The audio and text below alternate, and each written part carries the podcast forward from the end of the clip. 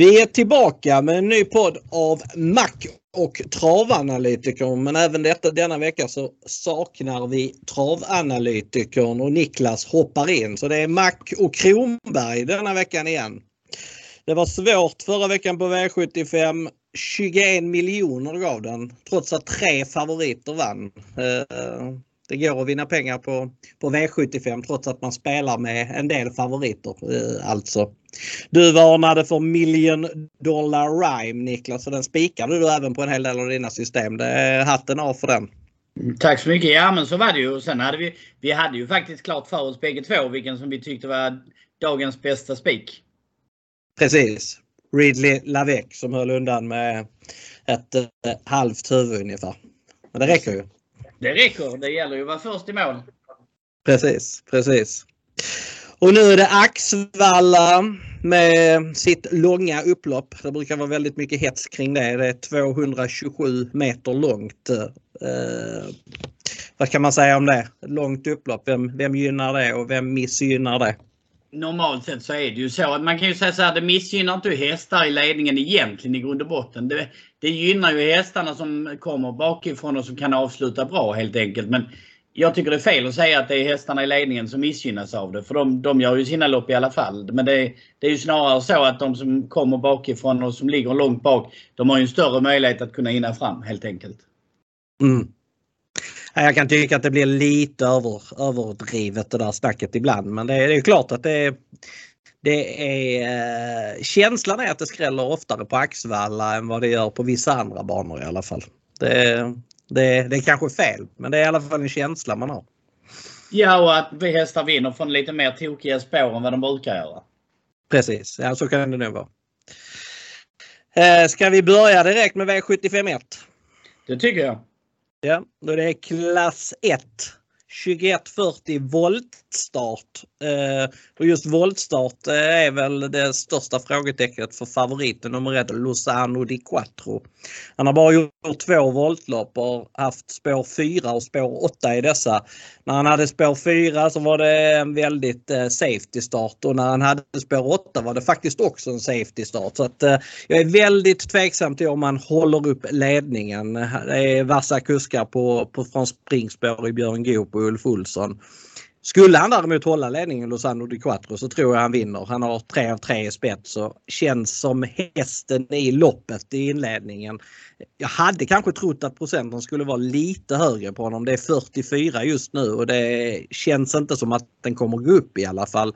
Så att till 44% så tycker jag ändå att han är första häst i loppet. Men eh, det kommer inte vara så att jag använder honom som någon huvudspik i omgången eller liknande. Men det kan tänkas att jag spikar honom på något system. Bakom Luzano di Quattro så är Elvego Khalifa andrahandare och det köper jag. Han ska vara andrahandare. Han eh, var ute på opassande kort distans senast. Höll bra från utvändigt ledaren då. Eh, det kan nog ha varit nyttigt för honom att springa 11 och 9 en gång. Eh, kan ha fått upp bra fart i benen. Han har två av två på Axvalla. Eh, han är ett tidigt segerbud. Eh, sen är det jämnt eh, tycker jag. Fyra Rio Alta Wine, sex Ove Palema är betrodda. Rio Alta Wine har ett besvärligt fjärde spår denna gången.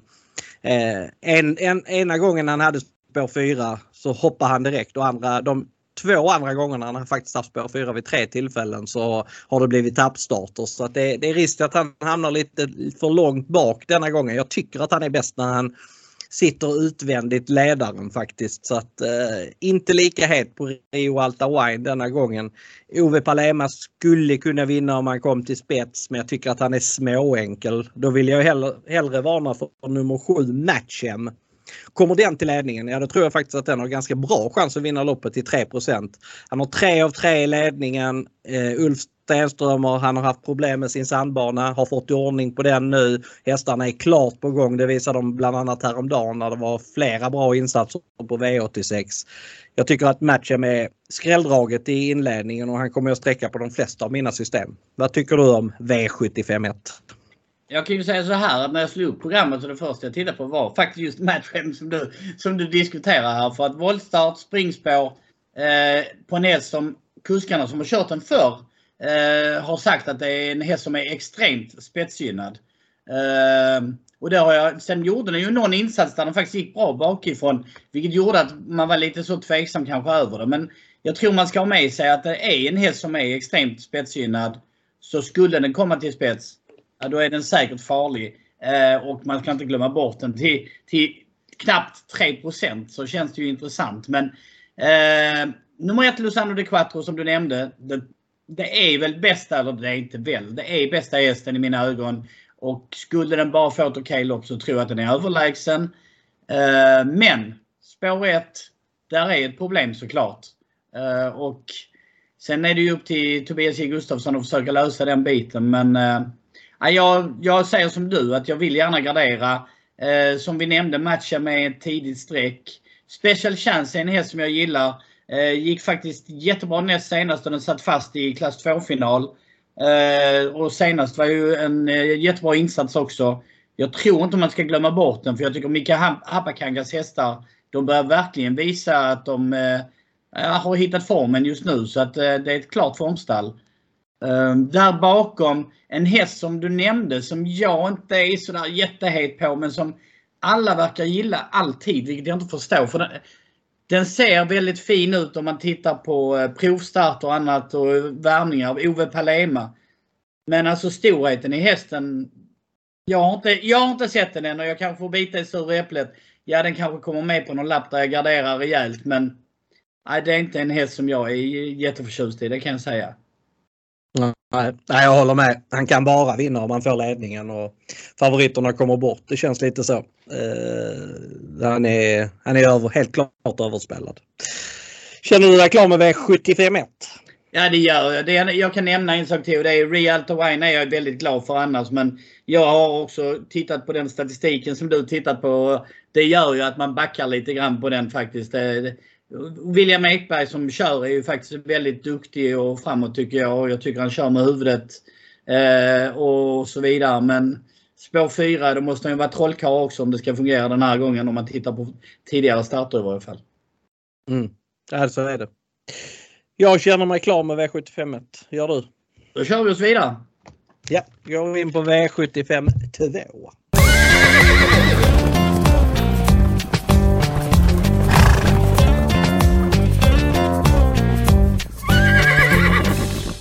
V75 2 det är alltså ett eh, klass 2-lopp över 1600 bilstart. Eh, spontant känns inte det sådär jättevanligt i den här klassen att man kör 1600 bil i klass 2 men det, det händer väl då och då i alla fall. Eh, här är det väldigt jämspelat. Eh, men favorit just nu är faktiskt tre Gold Eagle som har eh, gjort två fantastiska lopp på slutet. Men då har det varit Monté båda gångerna.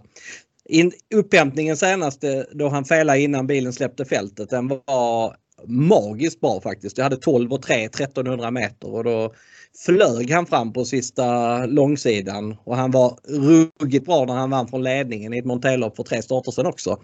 Men nu är det inte Monté, nu är det bilstart. Eh, det som är positivt med honom om man ska säga något positivt eh, det är att han eh, visade väldigt bra startsnabbhet näst senast. Men eh, då valde man att släppa ledningen. Jag tror att det är gynnsamt att det är 1600 meter denna gången. Men han har bara vunnit två av fem eh, lopp då han har gått i ledningen. Och jag tycker att han behöver visa lite mer för att jag ska köpa honom som favorit på V75. Så att eh, honom rankar jag ner en hel del faktiskt. Eh, det känns inte som någon eh, stark favorit eller det är ingen stark favorit. Jag tyckte det här loppet var jättesvårt tills jag hörde eh, Robert Berg prata om nummer 5 The Real Ragnar idag på, på lunchen. Då blev han en ganska klar första häst för mig faktiskt. Eh, han har eh, gått allt bättre på slutet. Var väldigt bra när han vann näst senast och senast så avslutade han starkt. Jag tror jag hade runt 13,5 sista 1300 meterna efter ett offensivt upplägg. Han gick inte barfota runt om senast. Men nu ska han gå barfota runt om och det är alltså första gången. Dessutom så kan det bli aktuellt med första rycktussar. Han är ganska startsnabb. Det finns på kartan att han kommer tidigt till ledningen. Det är inget favoritscenario men han borde i alla fall få ett bra lopp och har visat att han inte behöver ha ledningen för att vinna. Han vann ju bland annat bakifrån näst senast. Så att med Robert Bergs info, han lät otroligt confident med hästen så känns det som att det här är en ganska klar första häst. Bakom så finns det ju mängder med skrällbud. Eh, de hästarna som är spelade över 10% förutom de två jag har nämnt det är alltså eh, 9 e-mail och ett As Always Marke. Båda dessa kan vinna, framförallt e-mail som gick jättebra i första bike förra gången. Jag hade 11,5 sista sju. Det var riktigt bra faktiskt men ehm, där finns mindre spelade hästar i det här loppet som, som känns klart tidiga. Eh, 8 Andy Gell är 2 just nu. Det kommer den inte vara när det har spelats färdigt. Det kan jag säga för den verkar alla tro på. Jag tycker att Andy Gell är intressant i 2% Jag kanske till och med tycker att han är intressant upp till 5, 6, 7% Men det är väl där han hamnar också. Jag tror att det är bättre att leta skrällbud på andra håll. En sån som 2 Walking the Wire. Den är eh, faktiskt eh, ganska kapabel i ehm, höstas så var den tvåa bakom en så pass bra häst som Isco Am på Solvalla. Gick 13,6 full väg då. Jag tror att den kan få ryggledaren på, på favoriten Gold Eagle och får han bara chansen till slut då så är han intressant. Fyra Engelsdamen, Den är jättebra i ordning. Gick jättebra senast. Eh, hade 11 och 4 sista sju. Nu är det Björn Goop upp. Det känns som en riktig Björn Goop-häst det här. Eh, han har kört den en gång förut och var han tvåa med den men hästen är mycket, mycket bättre nu så att eh, den tycker jag är spännande. Samt nummer 11 Chip Shop som var bra på barfotabalans i sin senaste start. Den kan vinna om det klaffar. Men det här är antingen spikar jag The Real Ragnar eller så garderar jag så långt plånboken orkar känns det som. Hur ser du på V75 2 Niklas? Ja det låter, det låter ju så på dig som att det, det är mycket du täckt upp där. Eh, det jag kan säga är att eh, jag satt och tittade på detta och jag, jag, tror att det kommer att bli rejäl körning från start. Eh, många spetssugna och så vidare. Vilket jag tror kommer gynna bakspårshästarna bland annat. Eh, jag tror att nummer 9 e-mail, nummer 11 eh, chipshop är klart intressanta. E-mail tyckte jag var bra eh, senast och även chipshop eh, gjorde ju en bra avslutning. Bara sträcka på 4% just nu. Eh, Gold Eagle, ja det är som du sa. Alltså den har två enorma, enormt starka prestationer i bagaget. Men det, det är liksom, ja det är lite upp till bevis nu tycker jag. Eh, jag tycker att den, jag ska inte säga att den är för hårt sträckad för det, det vill jag inte säga. Men däremot jag tycker inte det är någon Eh, klar första häst på något sätt. Alltså det, det är snarare så att det är ett öppet lopp runt om. Och det är svårt att, att sätta fingret på vilken av dem. Nu har du ju lyft Real Ragnar här. Jag har inte hört den intervjun eh, kan jag ju då säga direkt. Men däremot så har jag fått från Stockholmsholm eh, Andy Gell och jag tror ju att den kommer att flyga som en eh, raket genom strecken. Jag tror inte det stannar på 6-7 Jag tror vi kommer upp mot 10% på den. Eh, det är mycket också att om, beroende på vem som sitter i studion på kanal 75 och pratar om jag ska vara ärlig. Mm. Ja, det är öppet lopp. Det låter som att du också tycker att det är ett öppet lopp. Ett mycket öppet lopp. Jag kommer att gardera. Eh, jag kommer inte att spika i det här loppet. Det finns inte bara. Det, för mig är det att gardera med i varje fall en 4-5 eh, hästar på eh, i stort sett minst. Därför det är mm. ett sådant lopp. Mm. Ja, för min del så är det Speak the real Ragnar eller jättemånga. Kanske till och med allihop på någon lapp. Alltså. Det, är, det är väl egentligen bara MT Sanchez som jag tycker är nummer 12 som är helt chanslös. Eh, de, de andra 11 skulle jag faktiskt kunna tänka mig att betala för. Så att eh, nej, det är svårt. Väldigt svårt. Ska vi gå vidare till V75 3 Niklas? Ja det tycker jag definitivt vi gör.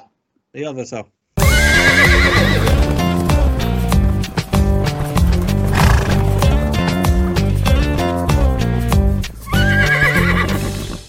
V753 och även här är det 1600 meter med bil och det är silverdivisionen. Och eh, här är det ganska jämspelat men eh, ändå hyfsat klar favorit nummer 8 Hidalgo Heldia.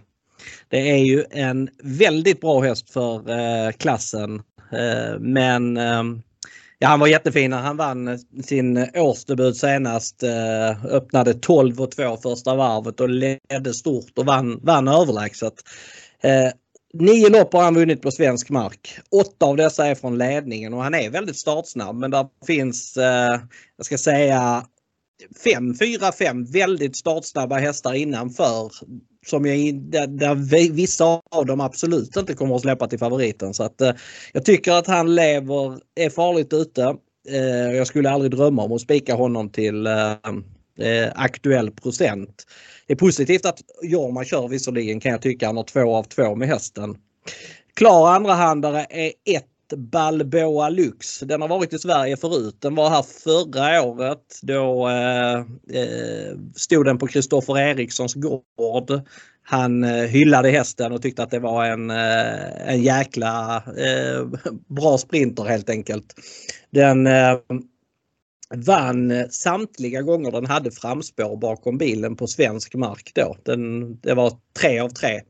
Eh, de gångerna den torska hade den alltid bakspår. Eh, så att spår 1 var mitt i prick. Eh, jag är ganska säker på att han håller ledningen. Han hade innerspår förra våren i Italien och då eh, kunde han inte svara, eller han valde att inte svara en häst som heter Synergy och släppte till den. Men jag har sett andra lopp där han har haft innerspår. Han har öppnat väldigt bra. Någon gång med flygande start visserligen. Det är inte tillåtet i Sverige men jag tror, jag tror ändå att han blir väldigt svår att ta en längd på. Eh, han kan vinna loppet från spets men eh, det som skaver lite med Balboa Lux är att han har lite svårt sista biten. Det visade han bland annat näst senast då han vek ner sig ganska enkelt. Då gick han visserligen med öppet huvudlag. Eh, han har tävlat med norskt vid eh, de flesta av segrarna på slutet och det kommer att bli vårt norskt även nu. Så att han kan vinna men det är ingen häst jag litar på det heller. Så att eh, eh det här är absolut inget spiklopp för mig. Men den hästen jag väljer att dra upp det är nummer 6 Corsa Ronero Font. Jag har snackat om den förut i podden. Det är samma stall på den som Balboa Lux. De tyckte själva att eh, det här var en bättre chans innan de såg spåren. Eh, nu ökade väl deras tro med Balboa Lux i och med att den drog innerspår men det låter ändå som att Corsa Ronero Font är den bättre chansen och det köper jag. Han har gjort eh, fyra starter på svensk mark. Han har gått bra varenda gång. Första starten funkar inte riktigt i svängarna men gick ändå ett starkt upplopp som tvåa. Sen avslutade han strålande och slog en sån häst som behind bars enkelt. Sen höll han starkt från dödens ner senast och senast satt han fast i en V75-final. Han duger väldigt bra här också så att eh, 6% på honom det är alldeles för lite. Eh, lite väl lite spelade även nummer 9 LL Royal som har, har fått eh, ett lopp i kroppen och har ett eh, vettigt läge med rygg på en ganska startsnabb Ankel Töll. Den borde hamna bra till. Den tycker jag också man ska sträcka tidigt. Eh, ja, Golden Guard är mycket betrodd. Eh, jag tror inte att han kommer till spets. Han hade varit väldigt gynnad av att gå i ledningen. Han har vunnit 8 av 10 från spets, har en andra och en tredje plats därifrån. Men jag tror inte att han kommer förbi en sån som Balboa Lux. Så det kan även bli svårt att få ryggen på Balboa Lux med tanke på att Ankel Töll är däremellan. Så att, eh, 12 King of Everything är streckat på 11 procent. Eh, det känns inte riktigt aktuellt denna gången. Han är väldigt, väldigt bra men bakskor på. Eh, det känns som att det kommer att bli långt fram från spår 12 på 1600 meter. Så att, eh, Corsa och Font är mitt drag. Vad tycker du om silverdivisionen denna vecka Niklas? Jag gillar ju verkligen silverdivisionen. Jag tycker det är fantastiskt fina hästar i den den här gången. Eh, du har ju nämnt om Balboa Lux, eh, Corsonero Front, eh, Hidalgo Heldia. Jag har ju imponerat stort innan men spår, spår 8, stor favorit. Det är ju inte så att man skriker jippi och är jätteglad när man ser det. Um, så ja, och sen Golden Guard har ju varit jättefin i sina två starter för Sofia Aronsson. Och nu rycker man skorna och det vet ju både du och jag vilken effekt det har haft tidigare på den. Uh, och det är klart att det är ju sånt man måste ta med sig också. Sen har vi som du säger flera andra startsnabba hästar som i vilket annat fält som helst hade kört mot ledningen enkelt. Uh, så att jag har väldigt svårt för att eh, liksom klara komma fram till mina tankar i det här loppet. Det, ja, just nu så är Balboa Lux uh, väldigt tidig från det utgångsläget den har. Eh, jag håller med om att Cosanero Front är eh, klart understreckad eh, sett till de uttalanden som stallet har gjort tidigare. Ehm, sen tycker jag väl kanske att Golden Guard är lite överstreckad med sina 19% just nu sett till hur loppet kanske kommer att utspela sig. Hidalgo Heldia däremot, ja, den har ju imponerat stort vid sina segrar men jag, jag, kan bara inte gå på en häst från spår 8 sprinterdistans när jag tycker det är ett jämnt fält och den är sträckfavorit. Det, det går inte. Så att eh, för mig just nu så lutar det åt att Balboa Lux blir min första häst. Mm. Där kan man ju hamna, det köper jag. Jag tycker bara att han har lite dålig skalle. Alltså. Det, är, det, är det, jag, det är det jag stör mig på. Han har vunnit nog... 19 av 44 men det, det, jag vill ändå säga att, han inte, att jag är lite frågande till hans moral sista biten. Jag, jag är lite överens med det där. Eh, men, men jag kommer också ihåg när vi diskuterade den här hästen förra året när du hade pratat med Kristoffer där. Och, vi, och jag, jag minns exakt att du sa också just det här att Kristoffer verkligen lyfte den här hästen på Burlux. Och nu har vi ett framspår. Mats E. Djuse, han är en väldigt duktig kusk. Det är ju inget vi ska underskatta. Och som jag ser det så får det bli hans uppgift i så fall att hålla igång den till mål. Så enkelt är det bara. Ja. Nej, jag kanske faktiskt, jag ska inte snacka ner Balboa Lux för mycket för att jag kanske tycker att han ska vara favorit med tanke på förutsättningarna men eh, eh där är ändå som sagt någonting som ska vara med hästen som gör att jag ogärna spikar honom. Men eh, första häst är han nog. Eh, ska vi gå vidare? Vi ja det tycker jag. Det, det, man, det en, en, en, grej som man kan nämna i sammanhanget. Det är väl det jag kan tycka är en intressant grej men jag tror ju, jag, jag kan ju inte säga att den ska vinna. Va? Men Innovation Lab som, som nu denna gång får Erik Adielsson barfota runt om. Det, det är två förändringar som jag verkligen normalt sett hade gillat skarpt men äh, det, det ser väldigt tufft ut den här gången. Men till 0 så om man garderar på så ska man nog inte fullständigt ta och slänga den i sopsäcken. Nej. Ja, det är ytterligare ett plus på den faktiskt. Det är, den har gått med öppet huvudlag i årets två starter ska gå med helstängt denna gången. Så det, det är ju är också ett litet tecken på att, eh, att de vill vara med och tävla i alla fall. Exakt. Berg lät ju väldigt nöjd med den mellan raderna faktiskt. Så att, uh, garderar man så ja, varför inte? Yeah. Den vinner väl loppet en gång på 80 ungefär i min värld. Men uh, den är ju spelad på uh, mindre än så. så att, uh, ja. Jag, jag, behöver dock väldigt många streck om jag ska plocka med Innovation Lab från det läget. Det kan jag vara ärlig och säga. Men vi går över till V75 4 Niklas. Det tycker jag.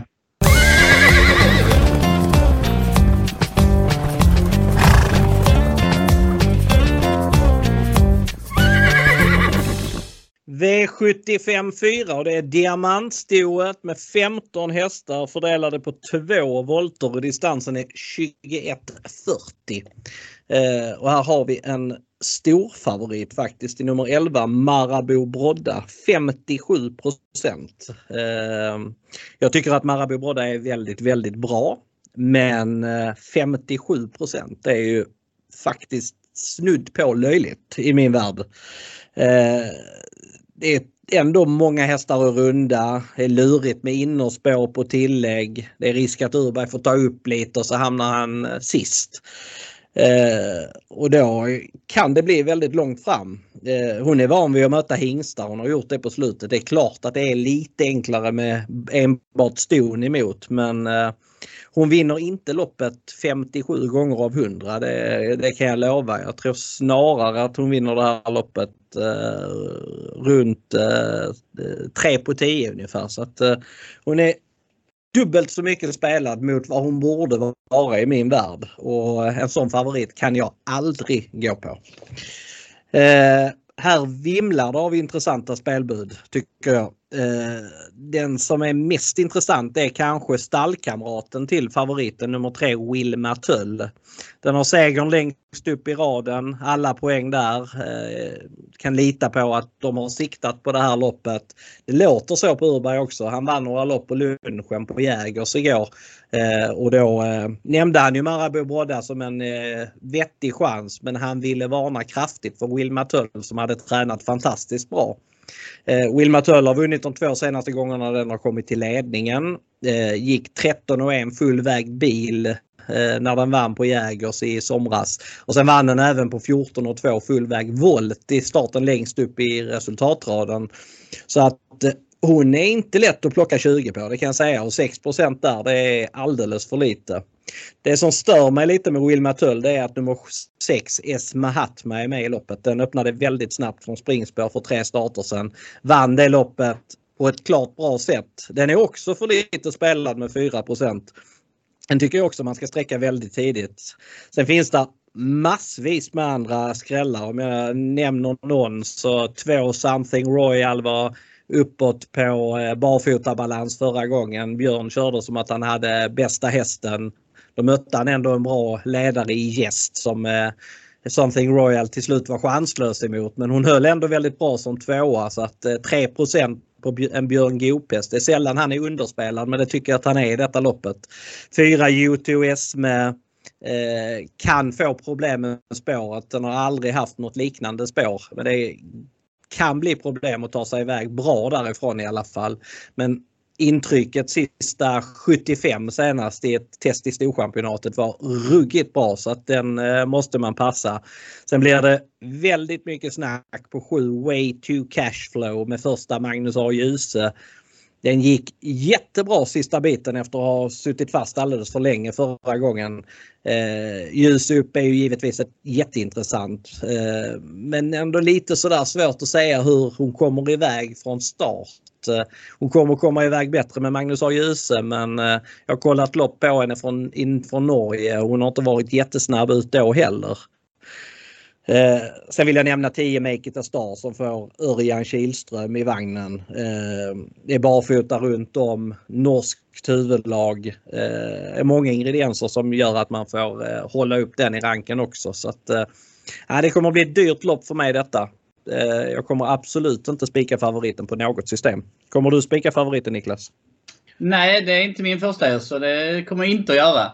Min första är kommun, Eh, way to cashflow. Eh, Rycktussar eh, tycker jag är jätteintressant. Magnus A. Djuse är jätteintressant. Eh, en bra avslutning senast visar att eh, den fungerar och, och, kan, och har visat fin form. Jag, jag tycker den är klart understreckad där den är just nu men jag är också medveten om att den troligen kommer att stiga rätt rejält på strecken. Men Marabou Brodda är ju fullständigt felstreckad även om det är en väldigt, väldigt, väldigt bra sto. Uh, Make it a star har jag väldigt tidigt också uh, i min rank. Det är min andra häst. Uh, eh, jag har Marcus B Svedbergs uh, andra häst som trea faktiskt i U2S med. Därefter kommer Marabou Brodda. Jag tycker den är alldeles för hårt sträckad. Och då kan jag inte ha den bland mina topp tre. Det går inte bara. Så att för mig är det, där är jag faktiskt rätt klar av min rank. 7, 10, 4 och 11 i första hand. Mm.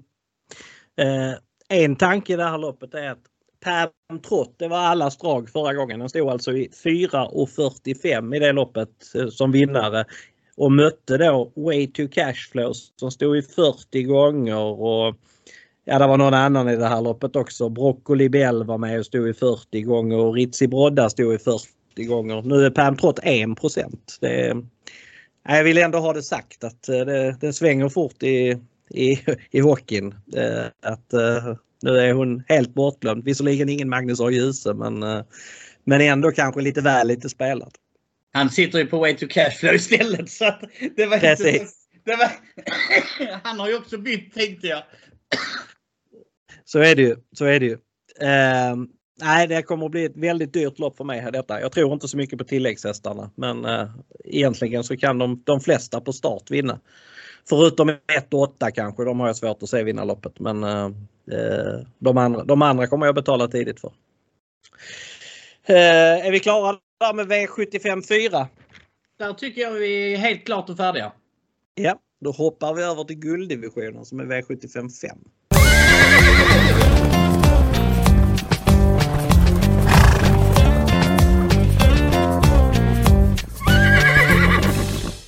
V755, ja det är gulddivisionen och det är 2140 Auto och eh, favorit är faktiskt nummer 9 Unico Broline sträckad på 33% just nu. Men det är ganska jämnt mot Aetos Kronos som är på 27 och eh, Cicero TG som är på 21. Jag tycker att en häst i det här loppet ska vara klar favorit och det är inte Unico Broline och det är inte Aetos Kronos utan det är Cicero Tege som det känns som. Ja, det känns som att det är hans lopp detta. Eh, senare så valde Magnus Tejen Gundersen att ta upp från start. Eh, det var ganska korkat med tanke på att om man hade kört någonting första biten så hade det varit Cicero Tege i ledningen och inte Rackham. Och med tanke på Cicero Tege gick efter galoppen så tror jag att han hade vunnit det loppet då. Jag hade 8 och 3 sista 8. Då brukades han inte få fullt sista biten. Eh, jag tror att han kommer att vara ännu bättre med det loppet i kroppen. Och denna gången låter det verkligen som att de kommer ladda från start. Jag kan verkligen inte se någon häst som skulle vilja ta emot eh, Cicero Tege här. Eh, den jag tror spetsar initialt är Pinto Bob. Men Berg, inte ens Berg, kör Pinto Bob i ledningen mot de här. Han är helnöjd med att sitta i rygg på Cicero Tege. Och kommer Cicero Tege till ledningen så tror jag att han vinner loppet oftare än vad han förlorar. Så att eh, håller sig procenten nära 21 eller i alla fall under 30 så kommer jag spika honom på de flesta av mina system faktiskt. Eh, jag tycker att det är en grymt bra spik helt enkelt. Vad tycker du om gulddivisionen Niklas? Jag tycker precis som du att Cicero Tege har en jättemöjlighet. Jag, jag spikade ju faktiskt den senast också och, och trodde på bra chans då. Och, eh, det man kan säga är att Geir Vegard Gundersen gick ju ut faktiskt i, senare och sa att det var ju faktiskt han som för en gångs skull hade gett körorderna till Magnus om hur han skulle köra hästen och att han inte skulle köra fram. Så att eh, ja, jag vet inte om det var lite för att försvara Magnus eller om det var om det var sant det han sa, men vi får väl utgå från det. Och hästen såg ju verkligen bra ut i övrigt, även om den felade en gång till sen. Kapacitetmässigt så tycker jag att om du tittar på de invändiga där så det känns som att den sitter i spets. Sedan är frågan om Haddestad Vandell kommer upp där och är tidigt uppe och försöker trycka eller om det är någon annan som försöker gå upp och trycka. För vem är det egentligen som ska göra jobbet utvändigt ledaren i det här loppet om vi ska vara ärliga? Du, du som har dina analyser och så vidare. Har du en tanke på vem du tror kommer vara uppe utvändigt och trycka upp tempot? Vem ska göra Cicero TG Mör? Jag tror inte någon vill gå fram utvändigt ledaren. Jag tror att Magnus A. Djuse kommer tvingas fram utvändigt ledaren med Aetos Kronos i så fall. Eh, och Visst, det är en jobbig häst att ha på utsidan men det är ändå inte givet att det blir så med tanke på att Riordan har haft sjuka hästar i stallet nyligen. Det lät faktiskt som att Aetos också har haft ett, en liten form av någon förkylning efter senast. Så att det är inte säkert att han är lika bra denna gången. Eh, Hades de Vandel, den tycker jag faktiskt att man ska smyga med. Det är lätt att tänka att en fransk häst är stark och ska köras på styrka men eh, han har rätt dålig skalle man ska faktiskt eh, gömma honom i loppet så länge som möjligt. Så att, eh, jag tror inte att eh, man får se något tidigt avancemang där heller. Så att, eh, det känns som att det blir ganska eh, skyddad verkstad för Cicero Tega i spets faktiskt. Eh, och sen har jag väldigt svårt att säga att han ska förlora loppet. Så att, eh, jag tycker att det kan vara intressant att spela komb Cicero Tege mot Pinto Bob i det här loppet. För händer det ingenting så är Pinto Bob tillräckligt bra för att haka på till ett andra pris faktiskt. Så att, eh, det är väl ett av de roligare spelen i omgången förutom V75 denna veckan kan jag tycka. Det jag kan nämna utöver då, för vi, det känns som att vi är rätt överens om att Cicero TG är en bra spik. Du är till och med ännu hetare på den än vad jag, jag tyckte att jag var någorlunda het på den men du låter ännu hetare än vad jag är på den. Men men däremot så Hede Darling fick jag faktiskt bra info ifrån, ifrån Norge. Så att eh, garderar man eh, den ena norrmannen så ska man nog ta med den andra norrmannen om vi säger så. För det, det låter som eh, Frode Hamre är väldigt uppåt på hästen eh, Hede Darling och Ulf Olsson i Sulkin är väl inte helt fel tycker jag. Så att äh, skulle det vara en dålig dag för Cicero TG eller han inte kommer till spets så ja, då kan det vara värt att sätta på nummer 11 Hedde Darling. Mm. Vi har inte nämnt favoriten nu, Nico Broline. Jag kan säga någonting om honom också. Att är, han har fått ett lopp i kroppen. Eh, väldiga plus att det är barfota och rycktussar denna gången. Men eh, är risk att han hamnar en bit bak eh, med rygg på upset face. Eh, det känns som att det kommer att trilla ner väldigt många hästar framför honom. Så att, eh, Nej, jag, jag tycker Unico Broline är bra men jag tror inte att han vinner detta loppet från fjärde, femte ytter. Nej, den, den, den, ligger väl hyfsat högt upp i min rank ändå så att det är inte det. Men, och som du säger, det är en bra häst. Men från spår 9, när, när, jag, när den möter en häst som Cicero TG som har spår 7 och har det uppenbart att den har en jättemöjlighet att komma till spets. Jag tycker att eh, streckfördelningen borde vara på andra hållet istället i så fall. Så det hade varit 32% på Cicero TG och ja, runt 20 på Nico Bruland. Då, då hade jag väl kunnat se lite mer anständigt på loppet där. Men som det är nu så tycker jag Cicero TG är klar först häst. Ja. Vi är överens alltså. Men då tycker jag att vi går över till V75 6 om inte du har någonting annat du vill ta upp. Nej, jag är fullständigt nöjd annars.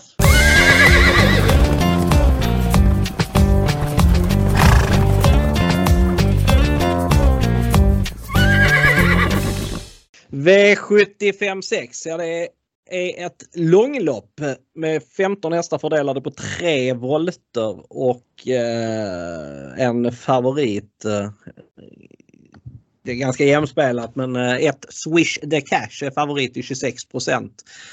Eh, ja, jag har inte jättemycket att invända mot att, eh, att den är betrodd om jag säger så. Den eh, gjorde ett bra lopp i eh, sin årsdebut senast. Jag hade sett hästen i banjobb innan dess. Jag kan säga att eh, han travade ju betydligt bättre i loppet senast än vad han gjorde i det banjobbet jag såg på Jägersro. Eh, jag tror att han kommer vara ännu bättre med loppet i kroppen eh, och han kan absolut vinna loppet. Det som är jobbigt med honom det är att han möter två startsnabba hästar som är betrodda på samma volt och det är Strängnäs Palema nummer 3 och 6 Lewis. Eh, kommer en sån som Lewis till ledningen så tror jag Berg vill att den körs i ledningen med tanke på hur nöjd han lät i intervjun idag på ATG Live. Lewis har dessutom gått i spets fem gånger och vunnit fyra så att han är klart bäst i den positionen. Eh, jag hade dragit ett streck över Lewis eh, när jag började analysera loppet. Jag tycker att han möter alldeles för bra hästar men eh, Bergs optimism får man ha lite respekt på så det är möjligt att jag höjer honom några hack i ranken men jag kan inte säga att jag tror på honom utan eh, jag tror klart mer på Bergs andra häst nummer 13 Albert Sonett som det känns som att han eh, Berg har hittat väldigt rätt på nu. Han är känd för att vara stark eller han, han lever väldigt mycket på sin styrka.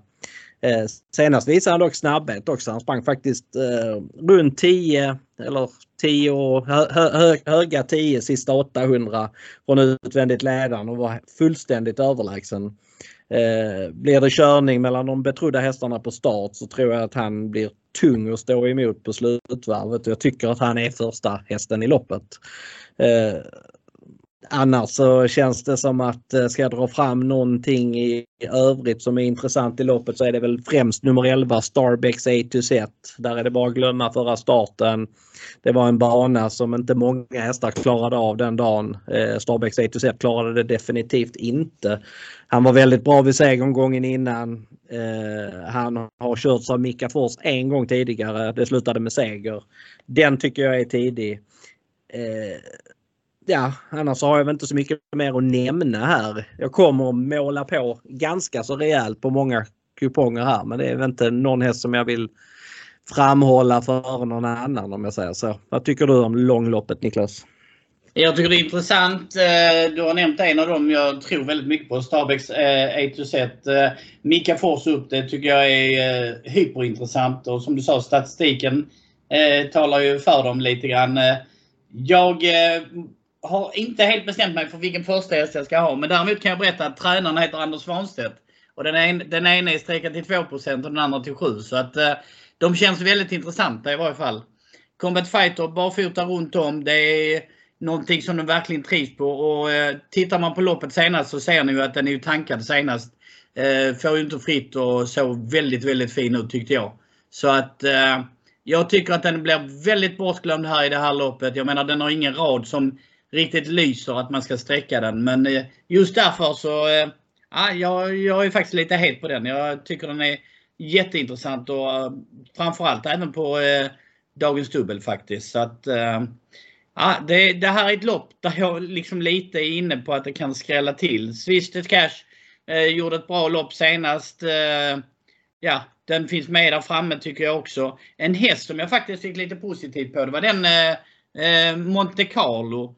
Hanna Läderkorp i, i, en intervju för, jag tror det var en, två starter sedan eller någonting. Hon började prata om att den här den ska den, den trodde hon var väldigt gynnad av när den skulle gå barfota runt om. Nu är det barfota runt om. Jag har inte hört någonting om några rapporter eller någonting. Men eh, jag, ble, jag blir lite nyfiken när, eh, när, när de säger så. För näst senast såg den faktiskt jättefin ut när det var långdistans. Och, eh, den satt fast då också med sparat. Och så André Eklund på det och 0 Uh, ja, nej, den, är, den sträcker jag också om jag garderar loppet. Uh, långt före uh, vissa andra som är mer spelade faktiskt. men jag tycker det är lurigt lopp faktiskt. Det är många lopp denna veckan som är luriga. Det, det, ja, det, är, det är en spelvärd omgång. Ja, det får man säga. Får man säga. Eh, det är inget annat du vill nämna här. Jag känner mig rätt klar. Jag känner inte att jag behöver nämna någon annan hästar. Nej, jag känner jag har nämnt dem jag tycker är i första hand som är intressanta i loppet i, i mina ögon. Alltså Albert Snett som du nämnde, det, det är ju en fin häst och så vidare. Och jag har all respekt för Robert Berg. Men det är en sån där häst som jag känner att många hamnar ofta på. Jag, jag tycker alltid den blir lite extra sträckad jämfört med vad jag egentligen själv anser att den är kapabel till. Så att eh, ja, jag har respekt för att du tror att det är din, eller du menar på att det är en väldigt bra möjlighet. Men jag, för mig är det inte första hästen i varje fall. Så kan jag uttrycka mig. Nej, det är bra att vi inte är överens överallt. Exakt. Precis. Men då har vi bara ett lopp kvar. Då hoppar vi över dit va? Det gör vi.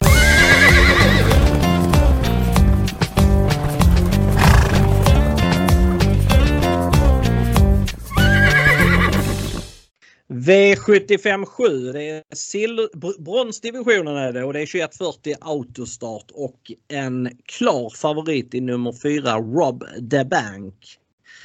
Med tanke på hur han gick förra gången så är det svårt att ha någonting att invända om att han ska vara favorit. Eh, jag hade 12 och en 1900 meter med underkant 10 sista fyra och då flög han verkligen fram sista 75 metrarna. Eh, det, var ett ruggigt intryck. Eh, här är det ju viktigt vem som kommer först kan jag tycka av fyra Rob the Bank, fem Laredo Boko och sex Global Concept. Eh, det beror lite på hur hårt de laddas. Jag tror kanske att Rob the Bank är långsammast av dem och att Laredo Boko är näst långsammast och att Global Concept är snabbast. Men med tanke på att de står sida vid sida så tror jag ändå det finns en chans att Rob the Bank kan hålla ut dem. Eh, om nu Magnus A. Djuse vågar vara så pass offensiv med hästen.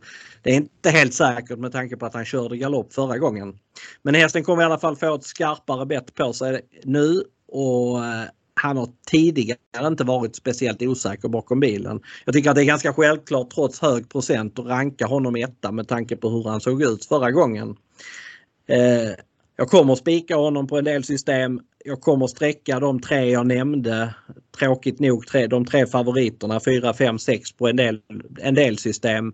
Eh, ska jag gardera vidare om det finns någon skräll att nämna så ja, en sån som Dallas den, den måste jag nämna. Eh, nu har han vunnit från dödens och, och spets två gånger. Det är helt andra förutsättningar nu. Det är jag helt medveten om. Men han har faktiskt gått i mål med norsken oryckt båda gångerna.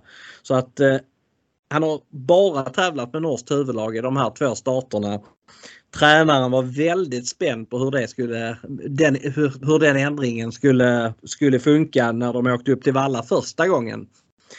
Eh, nu kommer de förmodligen rycka norsken. Det kan ge en jäkla effekt så att eh, Dallas eh, tycker jag kanske är fjärde häst i loppet. Eh, Eh, jag bara vill nämna att Global Concept är en grym häst. Den är nog lika bra som Rob the Bank i grund och botten.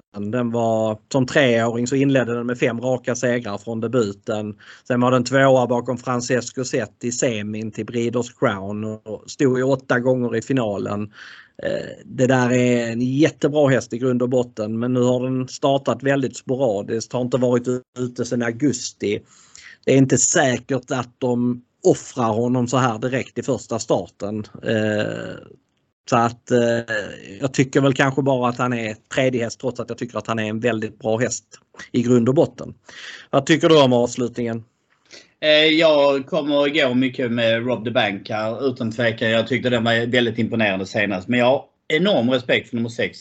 Global Concept som du nämner som tredje häst. För mig är det andra hästen i loppet. Den eh, i ledningen i derbykval. Eh, enda gången den har körts av någon annan kusk än Jörgen Westholm, då var det Örjan Kihlström som körde. Han vann loppet. Det var Margaretas tidiga ungeserie, ett lopp där.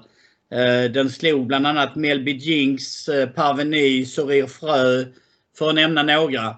Så att eh, ja, jag, jag gillar kapaciteten på hästen och man ska jag har respekt för när Jörgen Westholm tar ut den och den står så pass nära gränsen som den gör i, i eh, ett bronsdivisionsförsök. Så att, ehm, ja. Det, det, är lite med där på handen som jag säger att eh, Rob the Bank är min bästa spik i omgången. Men jag kommer ju såklart att gardera med Global Concept på någonting. En annan häst som jag tycker man lite glömmer bort här, det är faktiskt King of Greenwood. Den har ändå ett bra utgångsläge i spår 1. Barfota runt om. Med jänkarvagn. Ja, jag, jag tycker att den är lite bortglömd på sträckan om jag ska vara helt ärlig. Sedan är här ju bra hästar i loppet och du nämnde ju Dallas. Jag menar vi har ju inte sett botten på Dallas på två starter. Den har ju sett fantastisk ut. Alltså, den har ju sett ut som en tank som jag ska vara ärlig. Så att, äh, det, vi vet ju inte hur bra den är. Men spår Nej. 12, det drar ju ner på möjligheterna såklart. Äh, men för mig, Rob the Bank, så som den ser ut senast. Jag kan inte annat än att tro att den, den ska ha toppchans att vinna. Nej. Det låter som att vi är överens om vilka hästar vi ska spika på poddsystemet den här veckan i alla fall. Ja, eller hur? Jag tyckte också det. Jag har fått det hyfsat klart för mig. Rob the Banks i Zero TG. Eh, jag tror att det kommer bli ganska bra betalt på 7 rätt. Vad tror du? Jag är ju helt överens med dig. För jag tycker det är ett par avdelningar som är väldigt svårlösta och väldigt öppna. Så att, eh, och, och liksom hamnar där jag tycker att favoriterna kanske ser överstreckade ut vilket gör att minsta lilla som kommer vid sidan om. Så om vi säger så här. Den, den jag, om jag uttrycker mig så här. Den hästen jag tycker är mest överstreckad i omgången. Det måste i mina ögon vara Marabou Brodda utan tvekan. Jag, jag menar, skulle det då komma någon annan som, som tar och vinner det loppet så får vi ju direkt ett rätt bra rens bara där. Mm. Marabou Wadde är faktiskt klart störst i omgången till typ 55-57 eller vad den är spelad på. Och sen är omgångens näst största favorit är Lozano di Quattro till 44 och sen är det Rob the Bank till 40. Så att, eh, får man bort Lozano di Quattro och Marabou Brodda, vilket jag tycker är hyfsade möjligheter på, eh, så, eller till och med bra möjligheter på, så, så kommer det bli bra betalt på 7 men eh, Niklas, nästa vecka så tror jag att Kristoffer är tillbaka igen. Eh, ja, vad härligt! Ja. Vad kul! Ja, eller hur? Då får jag, då får då... jag verkligen sitta redo och bara vänta. Då får jag göra som jag brukar göra. Sitta och vänta in. När kommer podden upp och vänta på besked att nu är den uppe. Jag är bland de första att lyssna varje gång. Det är viktigt att lyssna av och höra så man inte har missat något i sina analyser. För självklart har jag mina analyser men det är alltid bra att kunna har klart sin egen tanke. Jag brukar vilja avvakta till jag själv är färdig med att lyssnat, med, med att tittat ut min rank. Sen lyssnar jag och så ser jag, är det någonting jag har missat som kanske någon av er vaket har snappat upp. Så eh, tar jag det med mig såklart. Det är såklart, det är jätteviktigt. Det är sjukt mycket information att ta in till V75 varje vecka. Så det, eh, vi hinner ju inte nämna 10% här men vi försöker dra upp det viktigaste i alla fall. Men du, eh, jag känner mig nöjd och eh, jag tackar för de här två veckorna. Du kommer säkert gästspela någon gång framöver också men eh, jag tackar dig för hjälpen de här två veckorna och sen önskar jag dig lycka till på spelet imorgon. Och detsamma gör jag till alla våra lyssnare. Ja, då... Ha det gott Niklas! Ja, tack detsamma! Ha det bra!